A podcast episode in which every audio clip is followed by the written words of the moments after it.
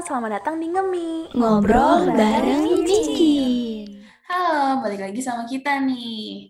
Nah, tapi sekarang kita lagi nggak berenam dulu nih kayak yang volume 0 kemarin. Betul, sekarang ada Nana dan Sasa yang bakalan nemenin kamu untuk ngebahas seputar isu-isu kesehatan mental yang tentunya bakalan deket banget sama mahasiswa. Iya bener banget apa yang Nana bilang. Nah tapi ngomong-ngomong soal mahasiswa, khususnya nih kita di lingkup uh, Universitas Pajajaran, uh, dalam waktu dekat ini nih tahu nggak sih kita bakal dihadapin atau nih sekarang ini nih lagi masa-masa apa tahu nggak sih? Aduh, pasti tahu lah ya yang udah pada mulai pusing-pusing sama tugas-tugas dan lainnya. Kita bakal ngadepin yang namanya UAS. Hmm, bener banget, UAS. Yang di mana tuh kalau UAS kan biasanya tuh banyak banget ya tadi project-project akhir, terus bobot nilainya yang paling gede nih ya di antara hmm. penilaian lainnya. Betul banget. Jadi, tugas akhir tuh kayak udah mulai numpuk gak sih? Dan uh, tau gak sih, Sa, ini sekalian aja ya gue curhat kayak akhir-akhir ini tuh gue ngerasa stres gitu loh kayak saking banyaknya tugas yang dikasih sampai bingung mau ngerjain yang mana dan ujung-ujungnya satu hari kelewat aja gitu alias gak ngapa-ngapain. Iya sama banget. Nah aku juga tuh sekarang kayak gitu. Belum lagi ya sel selain ini kan tadi akademik, ada tugas organisasi sama kepanitiaan hmm, kan?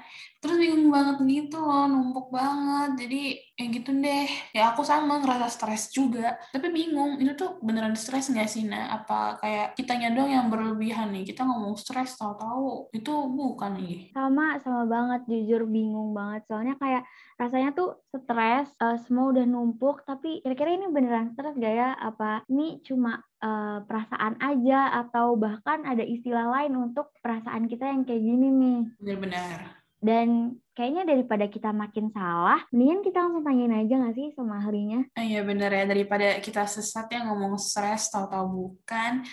Kebetulan banget ya, kita sekarang udah sama ahlinya nih sekarang di sini. Nah, jadi kita bisa langsung tanya-tanya. Nah, sekarang kita bareng Kak Anggi dari Tanya Psikologi. Hai, Hai Kak Anggi.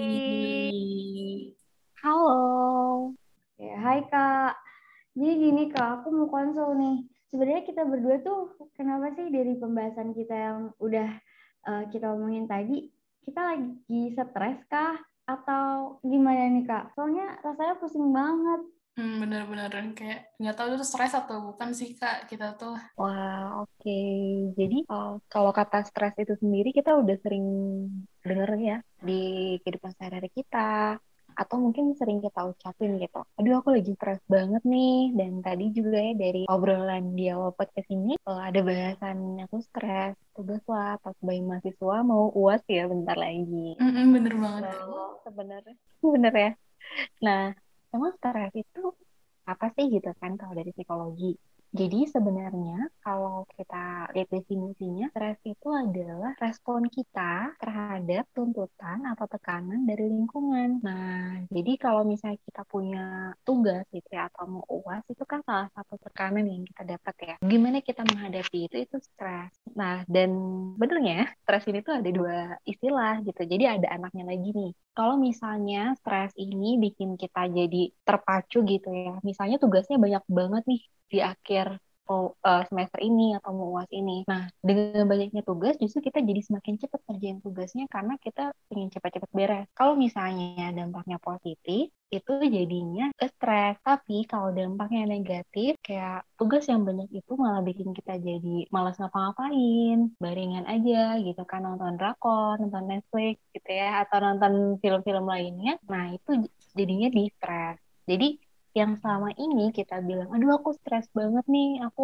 eh, nggak uh, tahu harus ngapain, aku bener-bener ngerasa tertekan misalnya, itu mungkin yang dimaksud tuh di stres gitu. Kalau misalnya uh, sekarang kan ada istilah burnout juga gitu ya. Banyak juga orang yang bahas aku udah burnout banget gitu. Lah kalau gitu bedanya stres sama burnout tuh apa ya? Nah jadi kalau stres itu tadi ya gimana respon kita sama tuntutan yang ada bisa positif atau negatif. Kalau burnout ini tuh ketika kita udah ngalamin di stres, stres yang negatif tadi, itu secara berlebihan gitu. Jadi levelnya tuh udah tinggi banget sampai kita merasa kelelahan, kita capek, energinya terkuras secara emosional maupun uh, secara fisik, nah itu udah ada di burnout gitu. Jadi nggak semua stres itu jadi burnout. Tapi kalau burnout itu berasal dari stres gitu. Oh, wah, menambah Oh, gitu. pengetahuan banget nih. Aku baru tahu tentang stres dan burnout itu ternyata berbeda. Iya sama banget kayak sama ini kita pakai stres terus denger burnout tapi ya nggak tahu ya itu gimana oh ternyata oh stres sama burnout itu beda berarti kita stres dulu nih ya baru ke burnoutnya iya kan ya Dan stres ini istilahnya beda juga. Ternyata yang dimaksud adalah distress, bukan stres. Bener gitu kan? Bener-bener banget. Eh, Jadi kalau misalnya sekarang nih kan teman-teman tahu ya ada istilah distress. Biar bisa apa ya ngasih tahu ke orang lain juga, kita bisa dari dari sekarang bilang nih kayak aduh aku distress gitu kan. Jadi biar orang juga tahu oh ternyata stres tuh ada macam-macam tuh gitu. Wah, iya. Jadi kita harus ngasih tahu juga nih ke teman-teman yang lainnya kalau ternyata yang bener tuh distress loh, bukan stres. Mm, bener banget jadi kayak kalau ada yang teman kita ngomong dia stres kita langsung ini nih kayak koreksi Bukan, bukan stres. Iya. Stres. Iya. Tapi nggak langsung nyalahin juga ya. Aduh kamu kok nggak tahu apa-apa nggak gitu juga ya. Menghakimi itu jatuhnya jadinya. Iya benar kalau teman kita yang salah ya kita kasih taunya juga ya jelas ya jangan asal langsung kayak kok kamu nggak tahu apa-apa sih jangan gitu ya itu jatuhnya kita Ya. malah menggerui jadi itu terus aku tahu deh jadinya Jangan gitu ya teman-teman ngemi Betul. Oke, nah kita udah tahu nih ternyata ada stres, ada distress, terus oh ada burnout ternyata yang beda lagi nih sama stres. Nah, apa namanya tadi kita juga udah nyinggung dikit kan ya, apa itu burnout sedikit-sedikit. Tapi aku tuh pengen tahu lebih lanjut lagi nih kak, kayak ciri-ciri burnout ini gimana sih selain kayak stres dulu, terus lelah, atau gimana nih kak spesifiknya dari si burnout itu ciri-cirinya?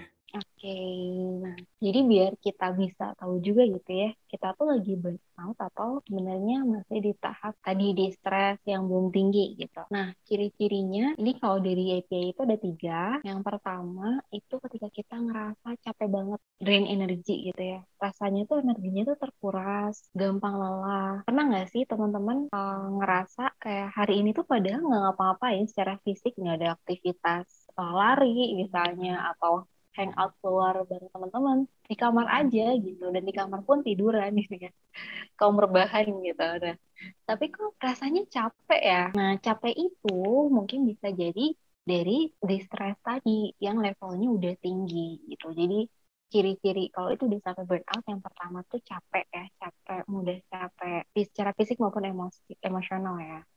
Nah terus yang kedua kita cenderung ngerasa frustasi itu ketika kita beraktivitas terutama kalau mahasiswa mungkin ketika mengerjakan tugas atau mau ujian gitu ya. Uh, betul-betul kalau misalnya kita cemas gitu ya, itu wajar ya kita khawatir nanti nilai jelek. Tapi ini tuh sampai ke titik di mana kita uh, bisa jadi bad mood ke semua orang gitu.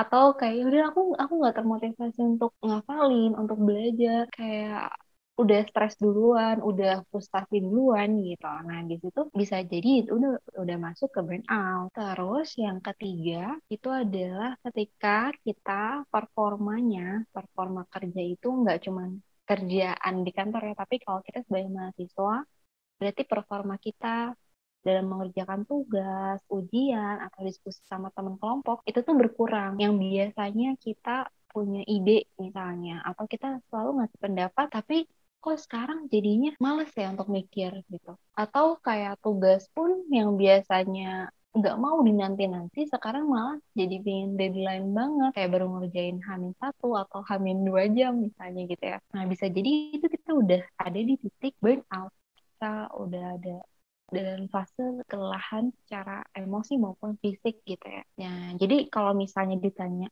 apa sih ciri-ciri burnout itu teman-teman bisa ingat yang tiga tadi. Yang pertama itu kita mudah merasa lelah capek gitu ya, secara fisik maupun emosional. Terus yang kedua kita cenderung frustasi dalam melakukan suatu kegiatan yang kita jalani sehari-hari gitu. Lebih dari biasanya. Yang secara normal orang cemasnya misalnya di angka 5 ini kita bisa sampai 7 sampai 10. Nah, yang ketiga beda itu uh, performa kerja kita gitu ya itu jadinya menurun. Kalau dalam konteks mahasiswa itu kita jadi malas ngerjain tugas atau misalnya jadi susah konsentrasi susah ngasih ide ketika diskusi gitu. Kurang lebih dari tiga ini. Gitu.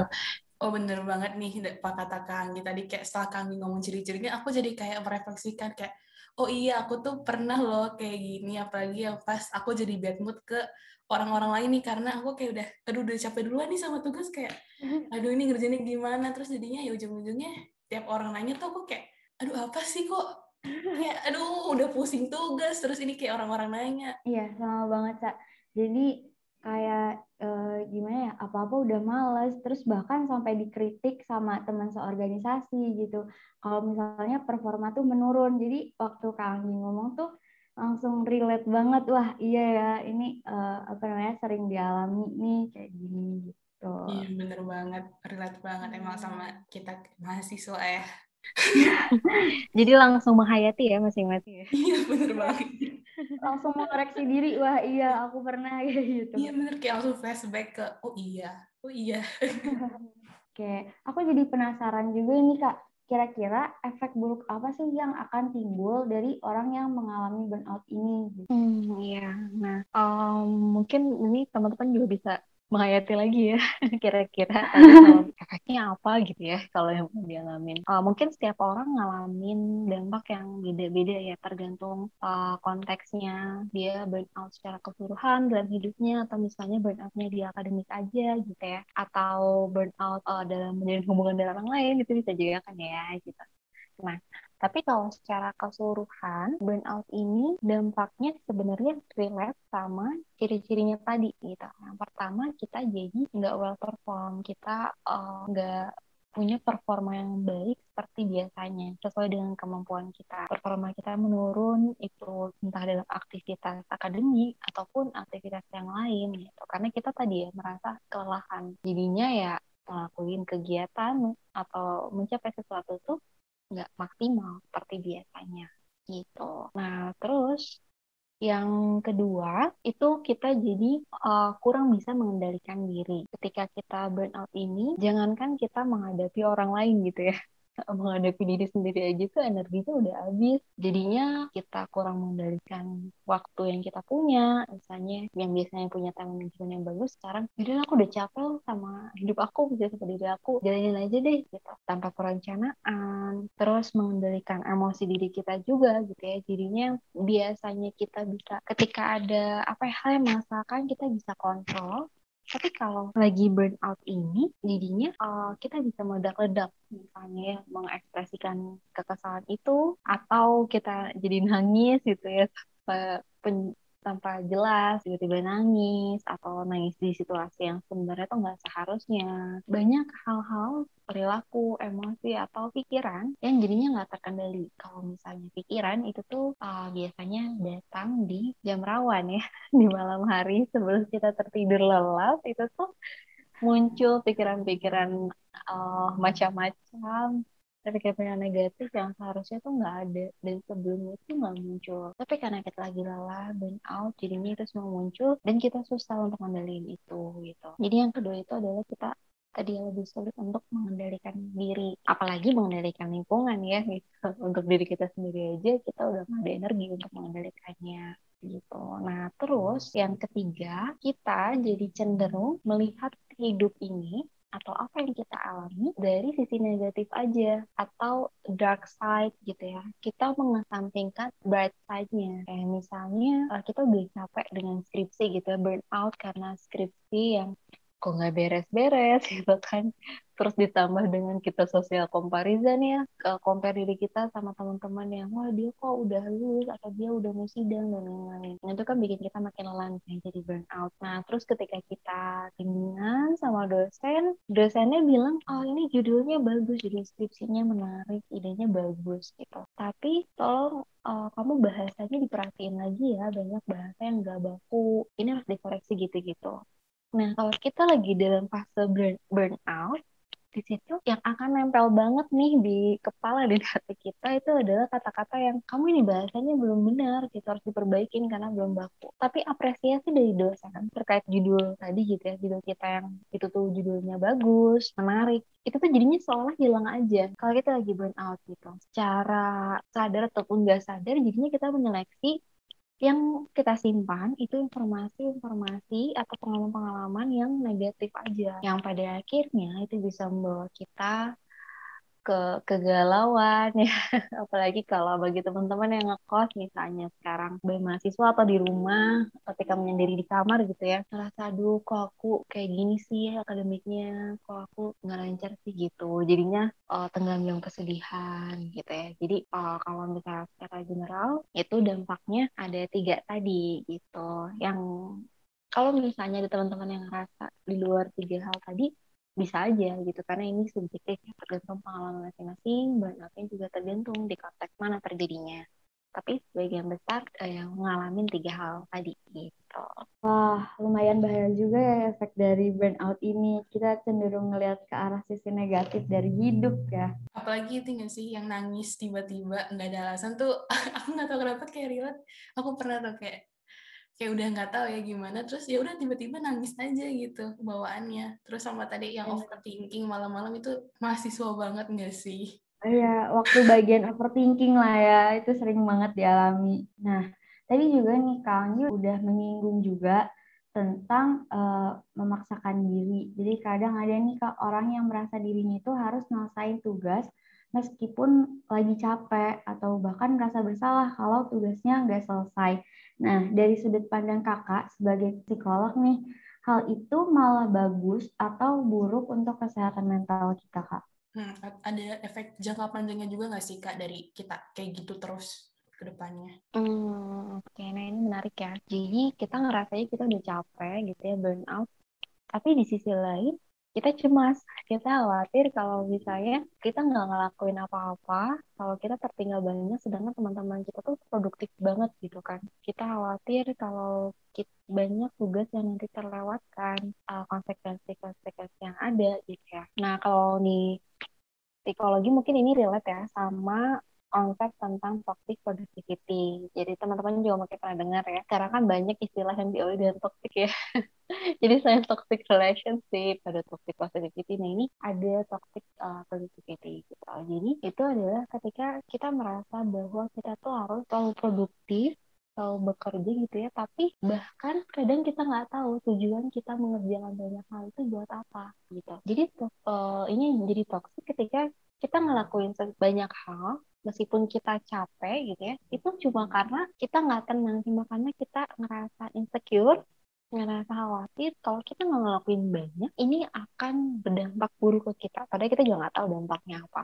Nah jadinya bisa jadi orang yang padahal udah burn out gitu yang ngerasa lelah sebenarnya uh, untuk mengerjakan tugas atau berhadapan dengan orang-orang. Nah dia memaksakan untuk tetap produktif melakukan banyak kegiatan. Kalau jadi toxic itu ketika kegiatannya nggak sesuai kebutuhan ya, jadi terlalu banyak lah. Nah itu malah bisa nambah kelelahan buat orang ini. Gitu. Waktu itu aku pernah ada yang datang gitu ya mahasiswa aku, terus dia cerita kalau misalnya dia ikut banyak sekali kegiatan akademik UKM ya kalau misalnya di kampus itu tuh UKM dan komunitas organisasi apa pun itu ada sekitar hmm, 10 atau 11 gitu ya kalau nggak salah waktu itu dia bilang. Di waktu itu. Jadi teman-teman bayangin sambil kuliah sambil ngerjain kegiatan yang sebanyak itu. Nah tapi dia ngerasa bahwa dia lelah sekali. Dia udah capek banget gitu ya terutama secara emosional. Jadinya uh, sedih agak termotivasi gitu melakukan apa-apa. Nah di situ dia melakukan semua hal kegiatan anak-anak itu karena dia saking takutnya tertinggal dari teman-temannya gitu. Dia tuh takut kalau misalnya dia belum punya pengalaman apa-apa. Sedangkan dia melihat teman-temannya itu udah punya banyak pencapaian, banyak pengalaman. Tapi ketika ditanya, ya kamu ingin mencapai seberapa banyak hal sih gitu. Targetnya seberapa banyak? Apa target uh, kegiatan atau pengalaman yang kamu capai? Nah dia tuh bingung. Dia nggak tahu dia akan membuat dirinya lelah, capek seperti itu sampai kapan. Karena dia ngelakuin itu bukan karena dia butuh bukan karena untuk memenuhi kebutuhan dia tapi karena dia takut tertinggal dari orang lain gitu. jadi jangan sampai kayak gitu gitu ya itu oh, yang pada akhirnya kalau misalnya kita melihat dampak jangka panjangnya itu bisa mengarah ke depresi, ya, ke depresi atau ke kecemasan gitu. Jadi ketika kita lelah terus kita memaksakan untuk melakukan banyak kegiatan yang sebenarnya tidak perlu, itu bisa jadi muncul ke arah kita merasa kita nggak berharga, kita merasa kita menyedihkan hidupnya, kita nggak beruntung, nggak sama seperti orang lain. Kita, kita merasa kita nggak dapat support dari orang lain. Itu ke arah fase depresi gitu ya. Tapi bisa juga kita jadinya punya kecemasan yang tinggi. Kita merasa tahu merasa bahwa kita tuh nggak aman sekarang kondisinya. Aku tuh harus melakukan sesuatu gitu meskipun kita tahu kalau kita tuh udah capek loh secara fisik maupun emosi gitu. Itu dampaknya ini tuh bisa juga ke arah masalah-masalah kesehatan mental yang lain ya gitu dari, dari burnout ini. Jadi emang penting banget nih untuk kita uh, menanggulangi ya mengatasi burnout ini jangan sampai burnout ini itu jadi berkembang uh, ke masalah kesehatan mental yang lain gitu dan nanti akan semakin sulit juga untuk diatasi. Wah, ternyata bisa sampai depresi sama kecemasan ya jangka panjangnya kalau kita terlalu maksain diri kita. Bener banget buat teman-teman yang relate juga nih. Mungkin sekarang bisa direnungkan, istirahat dulu sebentar, tarik nafas dan pertanyakan lagi kira-kira kegiatan yang diambil itu untuk apa sih sebenarnya kayak gitu. Jangan sampai menggadaikan kesehatan mental kita untuk hal-hal uh, yang lainnya kayak gitu. Bener banget. Apalagi kayak kata quotes-quotes nih ya banyak kan kayak kita tuh punya waktu kita masing-masing nih ya. Jadi kayak jangan merasa takut nih untuk tertinggal atau merasa di bawah. Karena pasti selama kita selalu berusaha yang terbaik nih ya dengan apa yang kita kerjakan pasti nanti ada waktunya kok kita bakal sukses kayak teman-teman kita lainnya. Tuh. Betul. hidup itu bukan perlombaan ya nggak sih? Sering iya, dengar banget. ini kita podcast ngumi jadi ajang ini ya kita motivasi juga nih. Misalnya kayak jadi banyak insight banget ya dari iya. Berarti ya jadi iya. ternyata aduh dari situ nih ya ternyata bisa banyak hal nih ya kita omongin sekarang ini ya. Nah kayak aku juga jadi penasaran nih kita kayak udah kena dampaknya kita udah tahu nih efek buruknya apa ke kita gimana. Aku jadi penasaran kayak gimana sih biar kita nggak burnout lagi ke depannya gimana nih cara menghindarinya? Eh nanti dulu sa. Kalau mau tahu banget teman-teman harus dengerin volume 2 podcast Ngemi masih bersama Kanggi, kita bakal bahas topik menarik lainnya seputar burnout syndrome. Oh iya, bener banget. Nah, jadi teman-teman tetap stay itu nih bareng kita dan harus dengerin volume 2 Ngemi. Dadah! Ya, jangan lupa Ngemi. ngemi.